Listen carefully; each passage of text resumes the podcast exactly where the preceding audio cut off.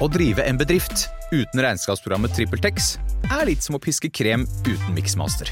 Det går jo, men det bare tar masse unødvendig tid. TrippelTex, det fleksible regnskapsprogrammet som forenkler hverdagen for over 100 000 fornøyde kunder. Prøv gratis på TrippelTex.no. Nå er det påskesalg hos Ark. Du får 30% på påskekrim og 40% på alle spill og puslespill. Jeg gjentar Ark har 30% på et stort utvalg krim og 40% på spill. Det er mye påske for pengene. Så hamstre påskekosen i nærmeste Ark-butikk eller på ark.no. I denne ukas episode av Fredrik Gressvik uredigert snakker jeg med USA-ekspert Are Togvold Flaten om at også Donald Trump virker mentalt svekket. Det er jo flere eksempler på det nylig også, der han surrer. Eh, snakker om Obama i stedet for Biden, f.eks. Han er jo ikke det han var, han heller, hvis du ser tilbake på klipp av Trump fra 2015-2016. Gjerne enda lenger tilbake, den gang han var demokrat. Hør Fredrik Gressvik uredigert, gratis der du hører podkast.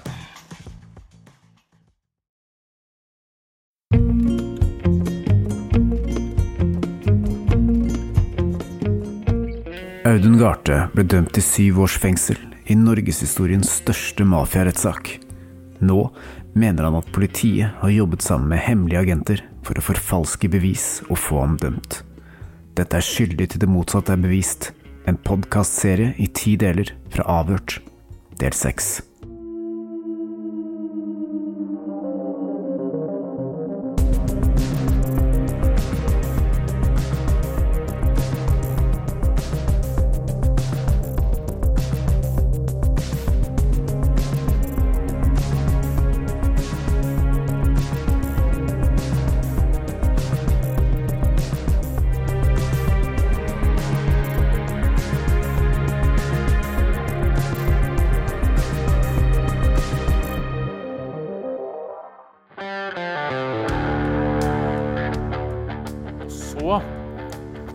Da i 2015, i mai-juni, så blir jeg da oppsøkt av en, la oss si, en semikriminell i Arendal, som da lokker meg inn i saken.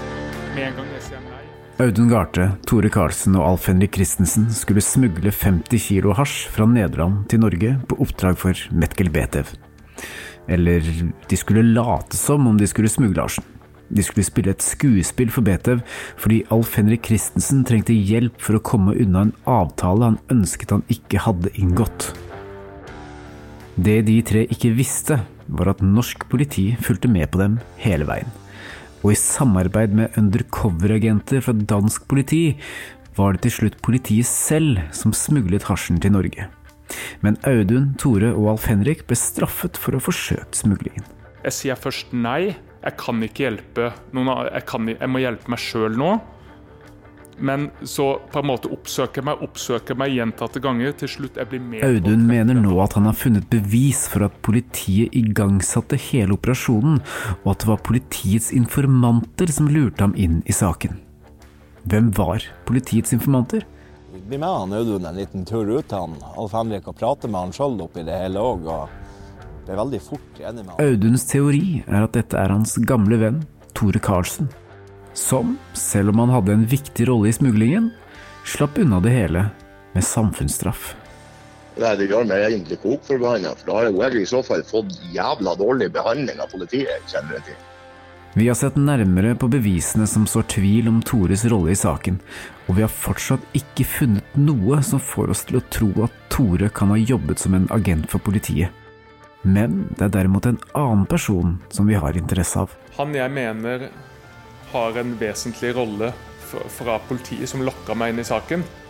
I forrige episode kom Audun inn døra på kontoret vårt med en bag og en seilerjakke. Eh, Jeg har med meg en bag og en jak jakke her. Seiljakke. Disse skal han ha fått av denne mannen som vi velger å gi navnet Ronny. Ronny var den personen som først satte Audun i kontakt med Alf Henrik Christensen. Ronny var med på det første smuglerforsøket med seilbåt, men trakk seg ut etter at Tore Karlsen kom inn i bildet. Audun har selv beskrevet Ronny som en av de gjerrigste personene han kjenner. Så hvorfor skulle han da gi ham denne dyre bagen og jakka med en verdi på flere tusen kroner? Var det en form for sporingsanordning i disse, slik at politiet kunne følge med på smuglerforsøket? Altså, den, den ser jo helt ny ut, den jakka her. Jeg tror ikke Audun har Vi fant ikke noe sånt i verken jakka eller bagen, men vi fant noe annet. Hva er det her for noe? Post-it-lapp. Hva står det? Et telefonnummer? Se. 4073. Hva står det? Ikke noe mer, bare et telefonnummer. Han, har- han har jo ikke sjekka Eieren av nummeret var ikke å finne gjennom noen opplysningstjeneste, så vi bestemte oss for å ringe.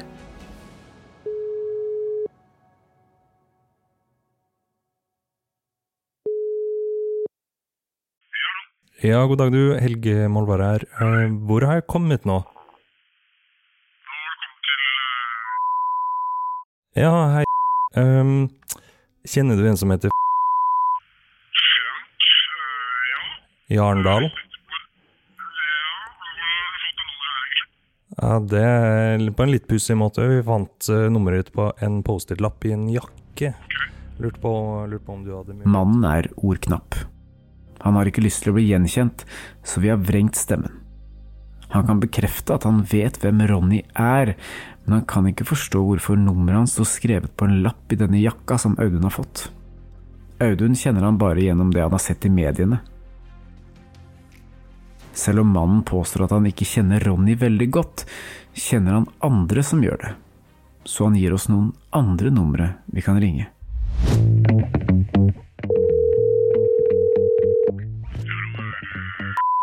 Ja, hei du. eh, kjenner du en som heter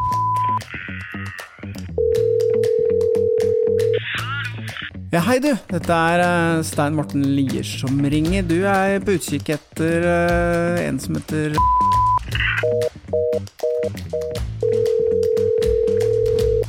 God dag, du. Kjenner du en som heter Til slutt treffer vi en mann som vi velger å kalle Kevin. Kevin forteller at han kjenner Ronny godt, men han er ikke komfortabel med å snakke om ham på telefonen, i tilfelle politiet lytter. Så vi avtaler et møte. Ja, nå er vi altså på vei for oss å møte en bekjent av denne personen som vi har valgt å kalle for Ronny. Ja, det er jo en av de eh, veldig få som var interessert i å prate med oss.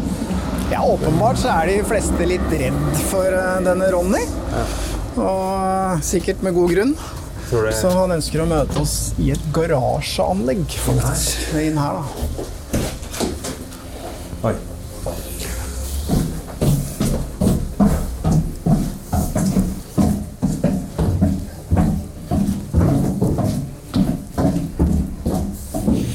Ja, her er det mørkt. Det er litt sånn klisjé å møtes i garasjen. Det er sånn ordentlig klippet ut av en gammel gangsterfilm. Eller Deep Throat.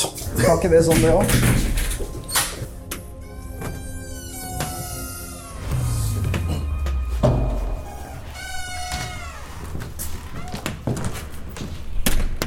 Ok. Det var ikke mange. Han sa innerst i garasjen. sa han?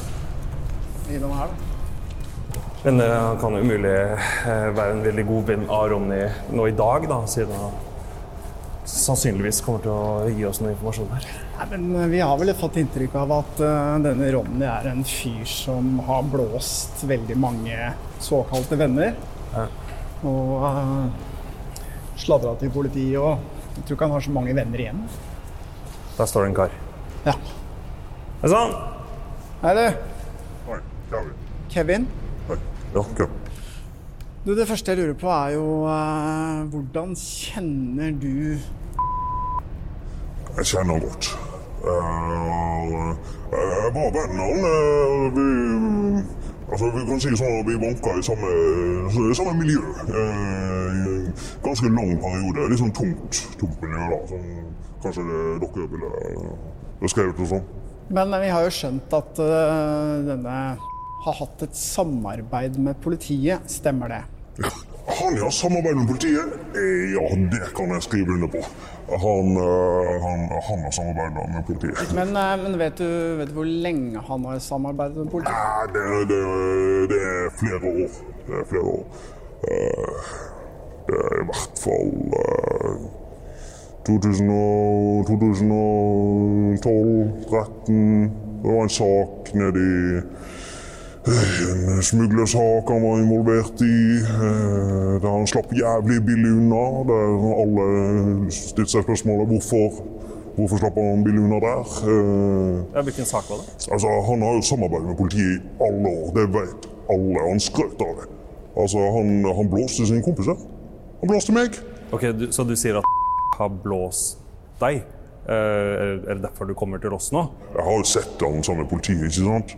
Jeg har sett han i kjellerstua. Har vært hjemme hos han og kom med faen politiet hjem til han. Og, og de dro ned i kjellerstua, og da overleverer de noen bager. Vet da faen, jeg. Men eh, hvem er det som drar ut på biltur med politiet eh, bare sånn ut av det blå? Eh, jo, det gjorde Men kan du være litt sånn konkret på hvilke saker han har vært involvert i hvor han har sluppet unna fordi han har samarbeidet med politiet? Jeg husker ikke konkrete saker, men han har aldri sittet inne for. Aldri vært i fengsel. Og han har vært en jævlig hele livet sitt. Altså, øh, han er, han er informant. Han blåser sin kompis, han blåser meg. øh, Jeg kan bevise det. Det er tydelig at Kevin har sine egne personlige grunner til å anklage Ronny for å være informant, så vi er nødt til å ta alt han sier med en klype salt. Det vi kan bekrefte, er at de to delte bolig på et tidspunkt for noen år tilbake. Og han har gitt oss navnet på to politifolk som vi vet jobber i det lokale politiet.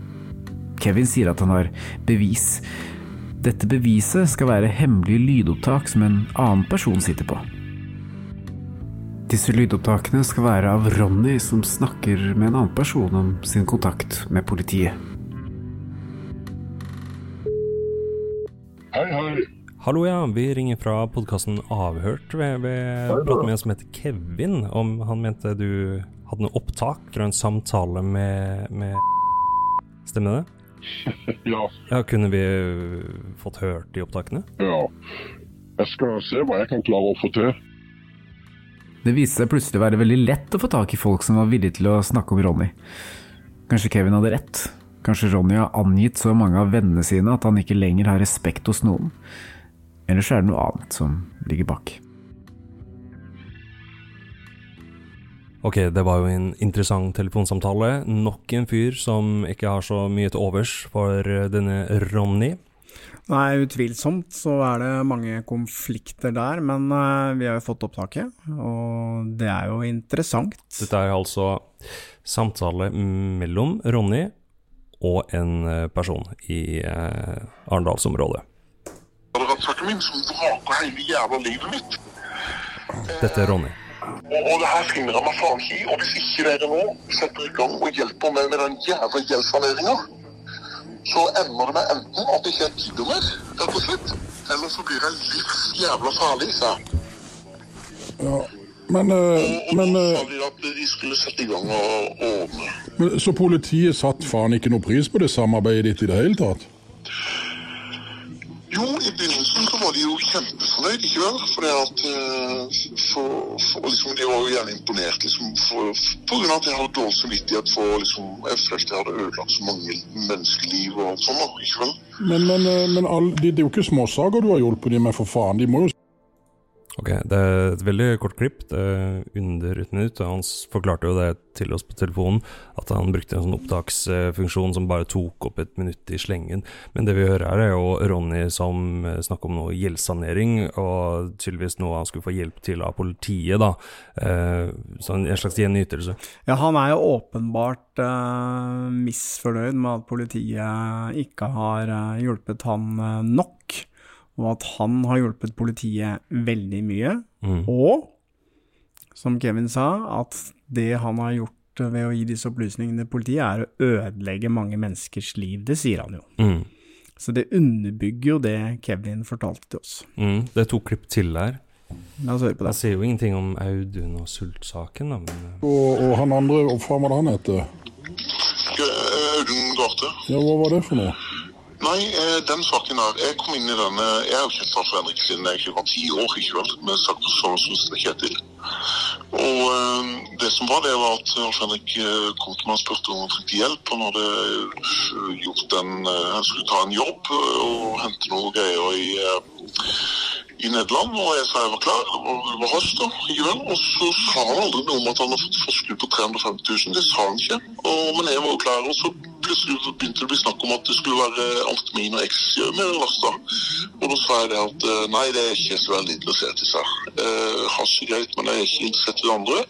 Eh, og sånn, og så, så tok han med Audun inn i det, for han skulle liksom være distribusjonen, og han skulle Ok, nå, det, det er litt vanskelig å høre hva som blir sagt her, det har jo litt med dialekt å gjøre, men vi har hørt det nå, vi har hørt det flere ganger, og det han snakker om her er at han har kjent eh, Alf Henrik eh, siden han var ti år gammel, og tydeligvis en, en kompis da, og fikk eh, beskjed av Alf Henrik at han skulle være med å smugle 50 kilo hasj fra Nederland, og det sa Ronny ja til å være med på, men han trakk seg da det ble snakk om at det var tyngre stoffer inne i bildet.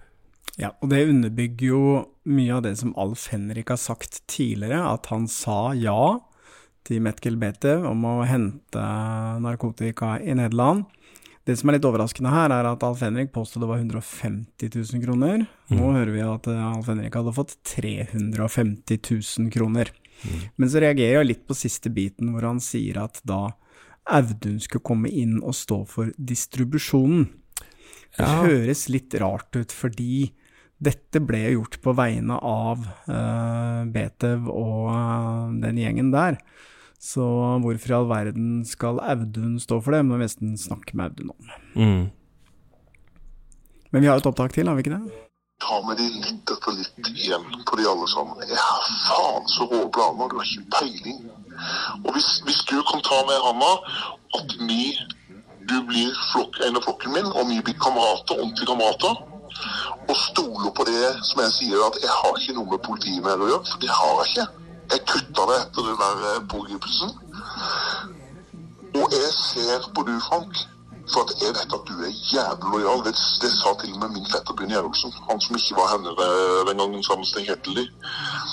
Eh, jeg vet at du er 110% og da kan jeg begynne å fortelle detaljer som eh, kan skje. Ja, eh, så, sånn jeg tolker det her, er at han, det har vært et brudd med politiet, men da ligger det jo litt sånn implisitt at da har det jo vært et eh, tettere samarbeid på et tidspunkt, da. Det underbygger mye av de tingene vi har fått vite. Det som vi fortsatt trenger å få verifisert, tenker jeg er jo Hadde eh, Ronny et samarbeid med politiet sommeren 2015? Og var det motivasjonen hans for å trekke Audun inn i det? Det er liksom det springende punktet her, og det som avgjør egentlig om Audun skal frifinnes eller ikke. Men det som er litt gjennomgangstonen her nå, Helge, det er jo at vi, eh, vi treffer mange mennesker som har vært en del av dette kriminelle miljøet i Arendal, som har mye å si. Og vi traff jo en annen kilde også, som var liksom 100% overbevist, da. Som var selvfølgelig 100% overbevist om at Tore Karlsen var informant. Og nå har vi truffet en ny en som er overbevist om at Ronny er informant. Det som gjør dette sporet mer interessant, det er jo disse lydbåndopptakene. Hvis det viser seg at politiet sto bak kontakten mellom Audun og Alf Henrik, er dette klare bevis på ulovlig politiprovokasjon.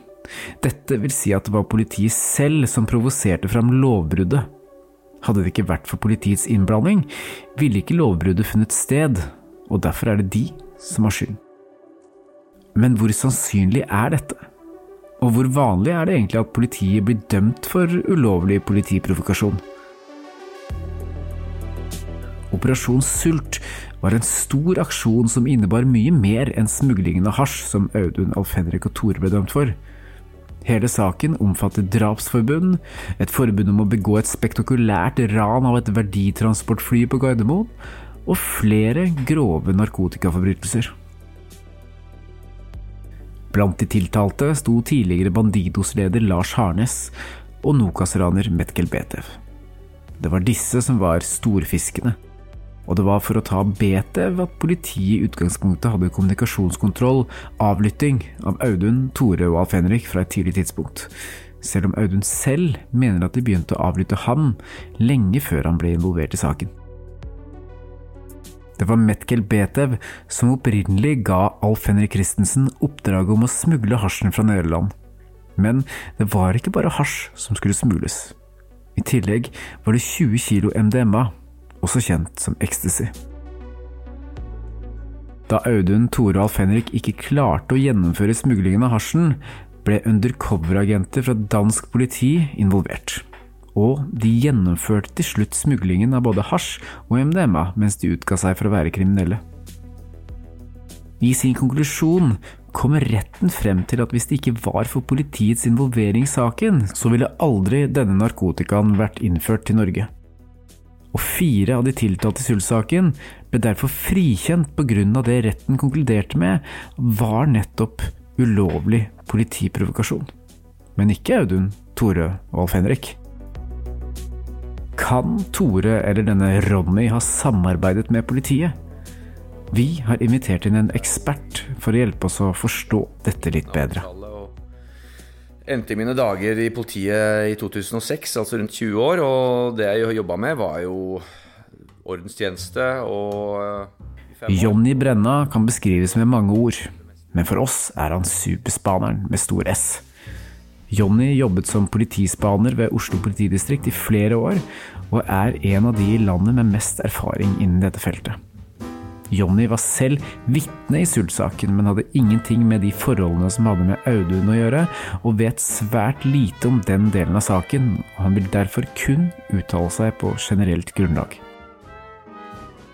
Grunnen til at vi ønsker å snakke med deg, er jo fordi at vi har jo sett litt nærmere på denne Sult-saken, og det var jo en veldig sånn stor og prestisjefylt sak for politiet. Der var det jo mafiaparagrafen 60A, det var vel 13 aktører, var det ikke det, på tiltalebenken? 14.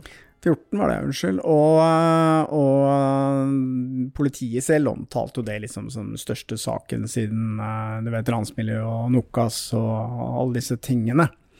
Nå vet vi at ikke du vet så mye konkret om den saken, men det er ikke derfor vi har det her. Vi ønsker egentlig bare å lære litt mer om hvordan det er å drive med informantbehandling. fordi at det har vært en sentral del av denne saken. Der var det undercover-agenter, og det var, var, mye av de tingene da, som var en del av det sakskomplekset. Så kan ikke du fortelle litt hvordan, hvordan du jobbet med informanter? Jeg kan jo si det sånn at uh, i forhold til uh, min erfaring, så baserer det seg fra en utvikling fra 1993 til 2006. Slik at uh, jeg kan, for, jeg kan i hvert fall si hvordan det var på den tiden.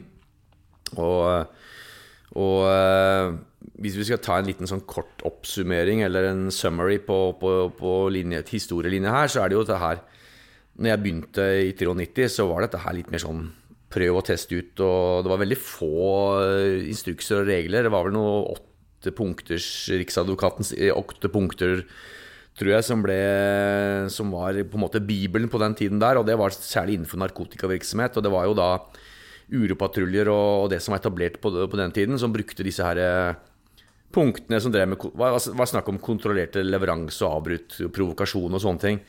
Og hvordan, hvordan man skulle jobbe og ja, det mens, mens, jeg, når jeg kom inn i, i den jobbinga der, så var jo ikke jeg innenfor disse miljøene her. Så jeg jobba jo opp mot Tveita-miljø, som drev med, med, aksjonskriminalitet. Så jeg ble mer og mer involvert da i informantvirksomhet opp mot de gruppene som drev med aksjonskriminalitet. Så de fleste kan du si, sakene jeg har håndtert med informanter, er, er da ran eller store, grove tyverier eller selvfølgelig vanlig etterretningsinformasjon, hva som foregikk i, de ulike miljøene som jeg jobba i. Så, men når det gjelder strukturering av informantvirksomheten så Det første jeg husker på, det var at jeg var på kurs i år 2000. Og da hadde Oslo eh, lagd en egen informantinstruks. Så, eh, og det var den vi skulle bruke. Det var Bibelen vi skulle håndtere, vi skulle bruke når vi skulle da forholde oss til kriminelle informanter. Og så ble dette her utvikla videre i en som kom fra Politidirektoratet i 2003 med et eget rundskriv, og da eh, med ganske stor blåkopi av Oslos uh, informantinstruks, som, ble da, som da var gjeldende fra 2003. Så, så, så den som da gjaldt i 2003, det er den jeg husker, da. Hva som har skjedd etter det, det, det, har jeg egentlig ikke noe stor kunnskap om, hvis det har vært noen store metodiske endringer på feltet. Men, eh, men klart at eh, det, er, det, er, det, å drive med, med informantvirksomhet er vanskelig. Det er, det er uh, risikofullt. Du balanserer på en linje hele tiden, fordi at i Norge så, så, forholder man seg til informanter som du må skape tillit til, vice versa. Uten at det er sånn som i utlandet, hvor man egentlig bare skriver en kontrakt. I utlandet, så i store land, så er det jo, er jo et, et forretningsforhold mellom en informant og politiet mm, som er kontraktsfesta. Mens eh, iallfall det jeg erfarte, var at vi måtte bygge mer tillit. Vi måtte få tillit av informantene, og informantene måtte ha tillit til oss, selvfølgelig. Uh, og det var en, en, litt sånn lengre vei inn, da, og jobbing for å få de gode informantene.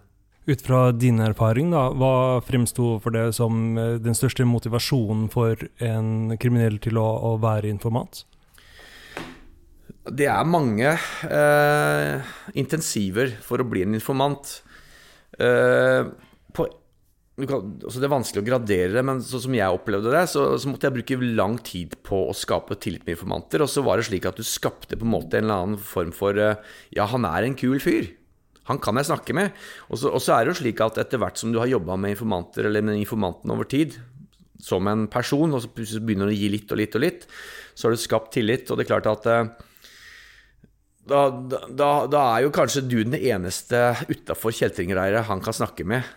Uh, og du blir på en måte en, en, en part som, som kan, han kan lufte seg for, da, utenfor reiret.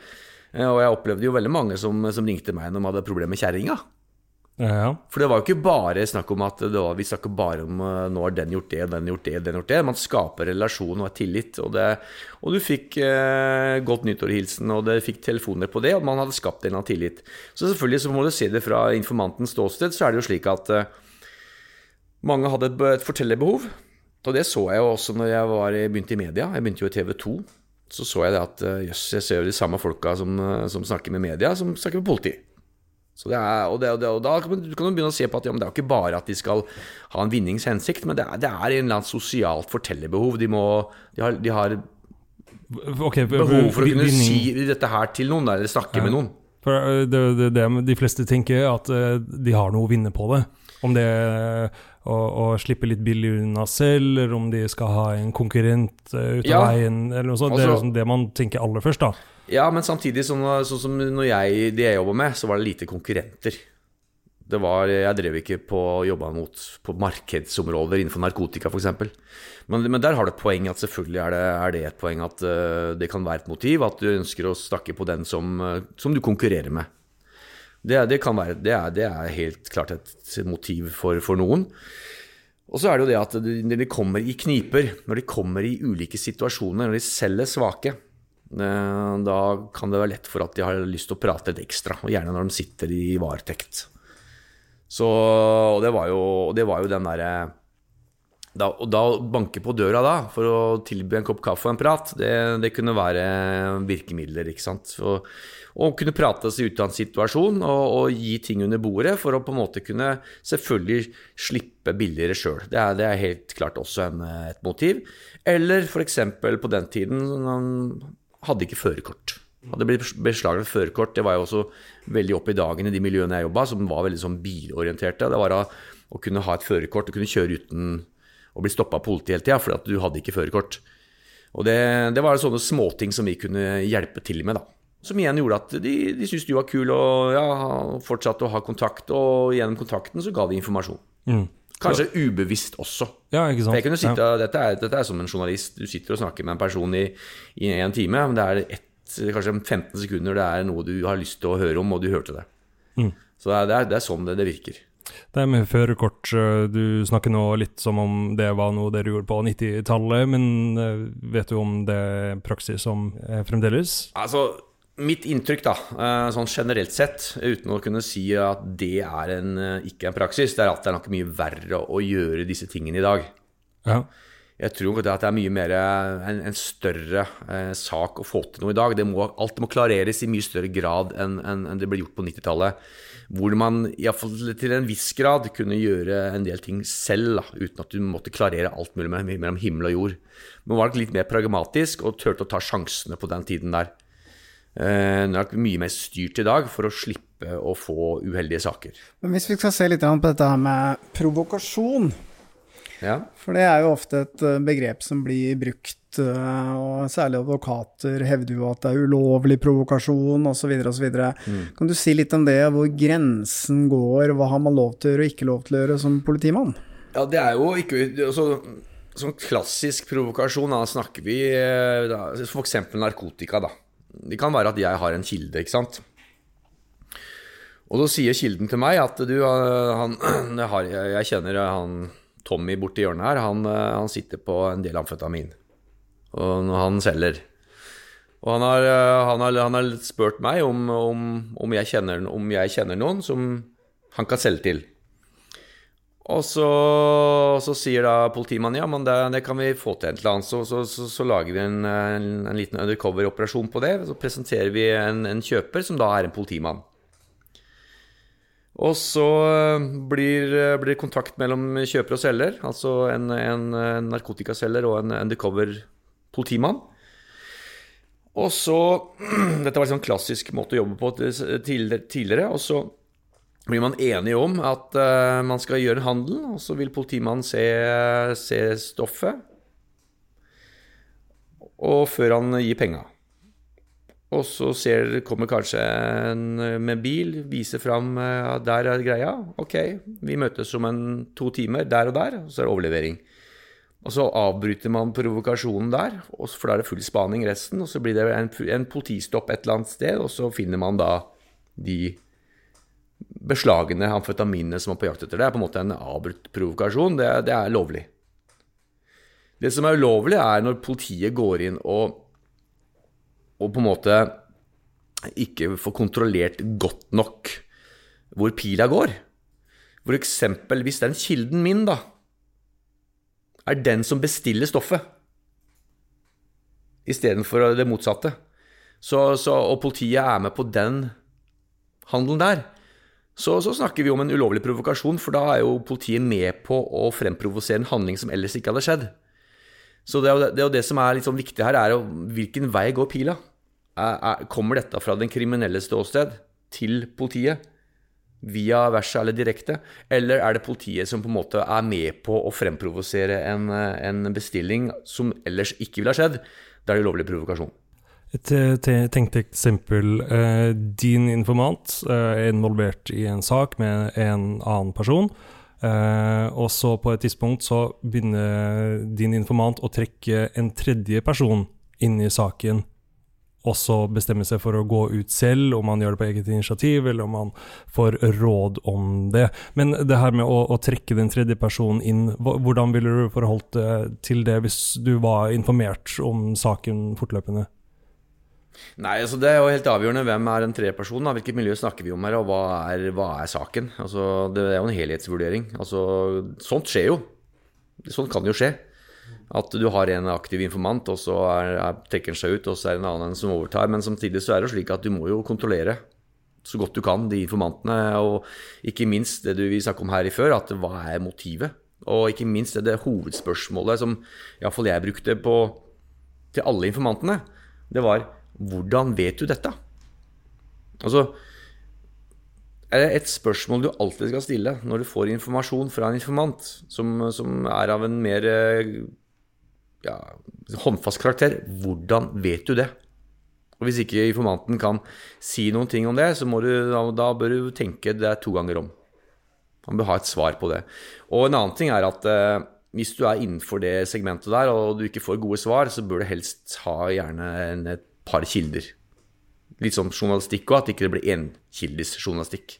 Men hvis det her var en, en eh, narkotikasak, da, og du var informert om hva som skulle skje via din informant, Mm. og så tar du rede på underveis her at eh, han har tenkt å dra inn en, denne tredje personen, Mm. hva, hva, hadde du kommet med noe råd, eller hadde du bare sittet og se på Nei, altså det er klart at det, det, er, det er som jeg liksom repeterer litt i sa, det må jo, det må jo, jeg må jo vite hva, hvem er den tredje personen, hvorfor trekker du vedkommende inn, og skal du trekke det ut, hvorfor gjør du det, og så må vi jo gjøre en vurdering av hele saken, hva, hva, hva er dette her dreier seg om. Så det er vanskelig å si at, er vanskelig å gi noen generelle gode råd på det, men, eh, men, men, men det er jo sakens karakter som avgjør. Det er jo, du kan, eh, så lenge det er en pil som går riktig vei, Eh, og du har, en, eh, du har såpass mye informasjon. Du har jo spaning, du har kommunikasjonskontroll, du har kanskje til og med undercover-virksomhet, du har informanter, og du begynner å kunne se en sak fra, fra flere vinkler og du begynner å få et oversikt. Så jo lettere er det jo da å kunne gjøre sånne ting. Så det er det er vanskelig å gi noe råd på basis av det, men, men generelt sett så er det jo det er sakens karakter som avgjør. Ja, så Men sånn i utgangspunktet så er det ikke noe problematisk eh, å sitte og se på at eh, eh, saken vokser, at det blir større, at det blir flere involvert Nei, i det, det, saken. det må du kanskje regne med, spesielt i narkotikasaker. Ja. Men hvor ofte var det at politiet selv involverte seg i en Har du opplevd noe av det? At liksom man tok en rolle Ja, det er jo da snakk om undercover-virksomhet. Ja. Og, det, og det er jo, en, det er jo et, eh, et verktøy, og det har jeg jo vært med på flere ganger eh, i saker. Men det, men, det, men det jeg mest var med på, det var sånne små aksjoner. Inn og kjøpe prøvestoff, eller prøve, en prøve. Inn og kjøpe en prøve. Se på, på en vareprøve eller våpen f.eks. inn og kjøpe et våpen. altså Sånne små aksjoner. da, sånne små undercover Eller, eller avbrutt provokasjon, hvor du da presenterer en politimann som da blir kjøper for et parti. Som allerede er presentert uh, Som ligger i Norge, og som, som, som er allerede skal til et marked, og som, hvor pila går riktig vei. da. Sånne ting har jeg vært med på. Har du noe kjennskap til uh, Arendals uh, politiets måte å eh, drive informa informantvirksomhet? Nei, jeg har ikke, har ikke noen peiling. Egentlig så kan jeg si det at eh, det, jeg vet om Arendal, er at det har alltid vært et veldig potent kriminelt miljø der nede. Hva er grunnen til det? Nei, si det. Eh, Arendal var jo veldig spesielt sånn i forhold til eh, som by. Og ser tilbake historisk, det var jo den bankede byen. Hvor det var litt sånn tøffe Tom som, eh, som regjerte. Og når du kom på et utested disko der på 90-tallet, så var det jo sånn forhistoriske store broilere som sto der. Så det har jo alltid vært litt sånn der nede. Eh, det er vanskelig å komme med en, eh, en eh, god vurdering av årsaken. Men så lurer jeg litt på, for vi har også hørt litt påstander om at, at Du sa jo selv det at det var litt sånn krise hvis informanter måtte inn som vitner. Det skjedde jo et par ganger for deg. Og eh, så har vi også da hørt at en sånn vanlig måte for politiet å liksom beskytte informanter på, da, det er at eh, ja, de blir tiltalt og de sitter i, men de får på mange måter en helt annen straff. da De får som regel bare samfunnstjeneste, mens de andre får flere års fengsel. Er, eh, er det en, var det en vanlig måte å gjøre det på for å beskytte informantene? Nei, i utgangspunktet så, så kan jeg ikke si at det var noe sånn stor forskjell på strafferammene de, de fikk. Men det er klart at det har noe med soningsforhold. Det, det å begrense hva du kan, kan gjøre, egentlig. Men uh, det er vanskelig å kommentere noe generelt på det. For det, er, det er så mye momenter som må vurderes her. Da. Og klart, hvis du har vært en god informant, så kan du jo sikkert få noen goder. Men i, hvert fall for, i, i min tid så var det mer i forhold til å kunne tilpasse soningsforholdene. Ja, enn enn jo, å påvirke strafferammen. For vi har jo sett i denne saken at i utgangspunktet så var det fire stykker. Uh, en av de som da har liksom blitt beskyldt for å være informant, han ble ikke tiltalt i det hele tatt. Eh, og han andre som ble Han fikk liksom noen hundre timer samfunnstjeneste, men de to siste fikk liksom fire års uh, fengsel. Selv om de egentlig hadde vært med på ganske mye, alle sammen. Så vi har liksom lurer litt på det, da, om det på mange måter har vært en strategi fra politiet og påtalemyndigheten, da. Når vi jobba, så var det nok mer forholdene rundt soning, og vi kunne påvirke litt sånn varetekt og litt sånn mindre ting. Enn at man eh, Men, men eh, klart at straff, strafferammer, det, det er jo litt noe verre å gjøre noe med, da. Men det er vanskelig å kommentere. På den tiden da dette mislykkede smuglerforsøket ble utført, hadde Tore Karlsen problemer med rus. noe han har vært åpen om, og det er sannsynlig at han var ruset på deler av turen gjennom Sverige, Danmark og Tyskland. Dette er bare én av grunnene til at vi har tvilt på at han kan ha fungert som informant for politiet.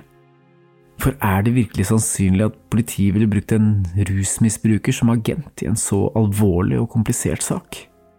Hva, hva, ser du etter i en person? Hvem er det som egner seg best til å være informant? Ja, nå er det nok en gang min erfaring i forhold til det. Og det er klart at jeg ønska jo ikke å ha rusmisbrukere.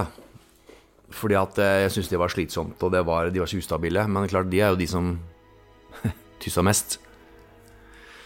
Eh, så, så, så fra mitt ståsted så ønska jeg heller mer ressurspersoner som var ryddige og du kunne forholde deg til, som tok telefonen når, når du ringte, og møtte, folk, møtte når du hadde en avtale. Men det var, var liksom det jeg jobba med, da, i og med at jeg jobba med mye mer ressurskriminelle enn den tradisjonelle mis misbrukeren, da, som, eh, som mange andre jobba med, da, for å jobbe seg oppover i hierarkiet med tanke på narkotikavirksomhet. Så, og så er det det der med at det må være det, det At du kan stole på dem. Altså det, at du kan Du må jo gjøre en vurdering av om informanten er troverdig.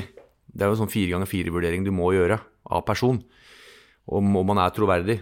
Og ja, jeg jobba jo Var jo så vidt borti miljøet, gjengmiljø.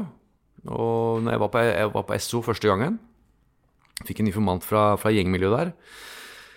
Og uh, begynte å få informasjon der, og så kunne jeg dobbelt, uh, dobbeltkontrollere informasjonen som kom, og så viste jeg at det var bare tull og sprøyt. Uh, og da gadd jeg ikke å ha noe med den å gjøre. Og det, så tenkte jeg hvorfor i all verden var vitsen med å, å, si disse tingene? For det var jo bare var ikke noen, var ikke noe grunn til å, å ljuge heller. For det var bare etterretningsinformasjon. Og da går vi med på det kulturelle aspektet igjen. Så jeg, jeg, jeg likte Jeg ville helst ta Kenneth og Tommy og Ronny. Eh, litt mer ressurskriminelle og, og, og, mindre av de rusmisbrukerne, da, for å ja, for å spare meg sjøl for, for, masse frustrasjon. Eh, hvor intrikat setup kan man liksom dra en informant inn i?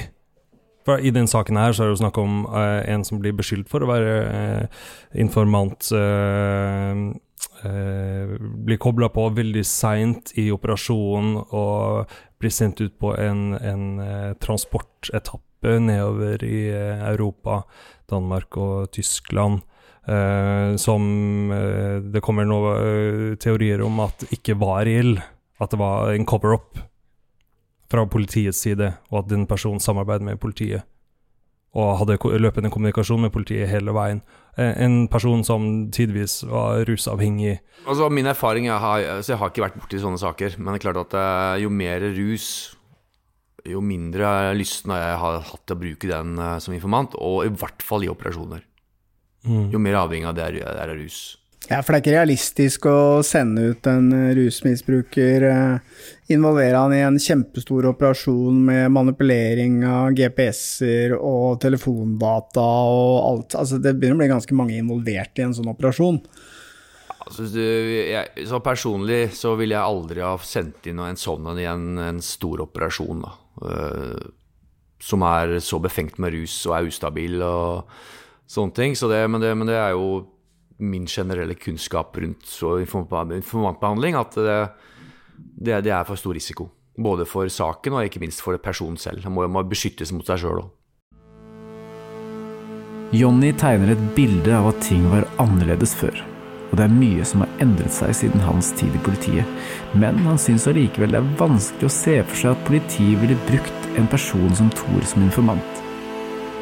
Spesielt med tanke på rusproblemene han hadde på dette tidspunktet. Men så var det denne Ronny. Mannen som ifølge Audun gjentatte ganger prøvde å overtale ham til å hjelpe Alf Henrik med smuglingen, helt til han til slutt sa ja. Ronny tilrettela for smuglingen, bidro med bag og jakke, men valgte selv å trekke seg ut da det ble alvor. Vi har hørt opptakene som angivelig er av Ronny som snakker om sitt arbeid med politiet. Hvis det virkelig er sånn at politiet ønsket å involvere Audun i smuglingen, da er det mye som peker mot at Ronny var deres agent.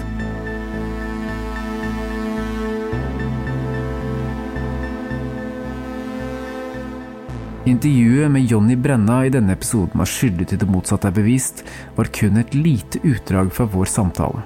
Og du kan nå høre intervjuet i sin helhet i en egen bonusepisode.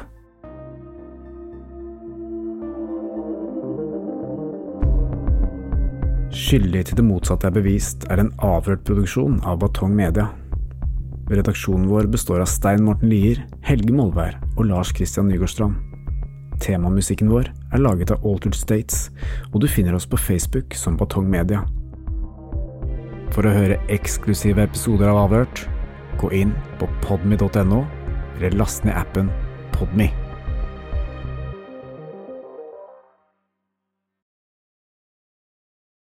Nå lønner det seg å hamstre påskekosen hos Ark. Ark inviterer nemlig til påskefest med skremmende bra nyheter, pocket fra 99 og 40% på alle spill og puslespill. Ark-påske betyr rett og slett mye påske for pengene. Så fyll opp med påskens favoritter i nærmeste Ark-butikk eller på ark.no.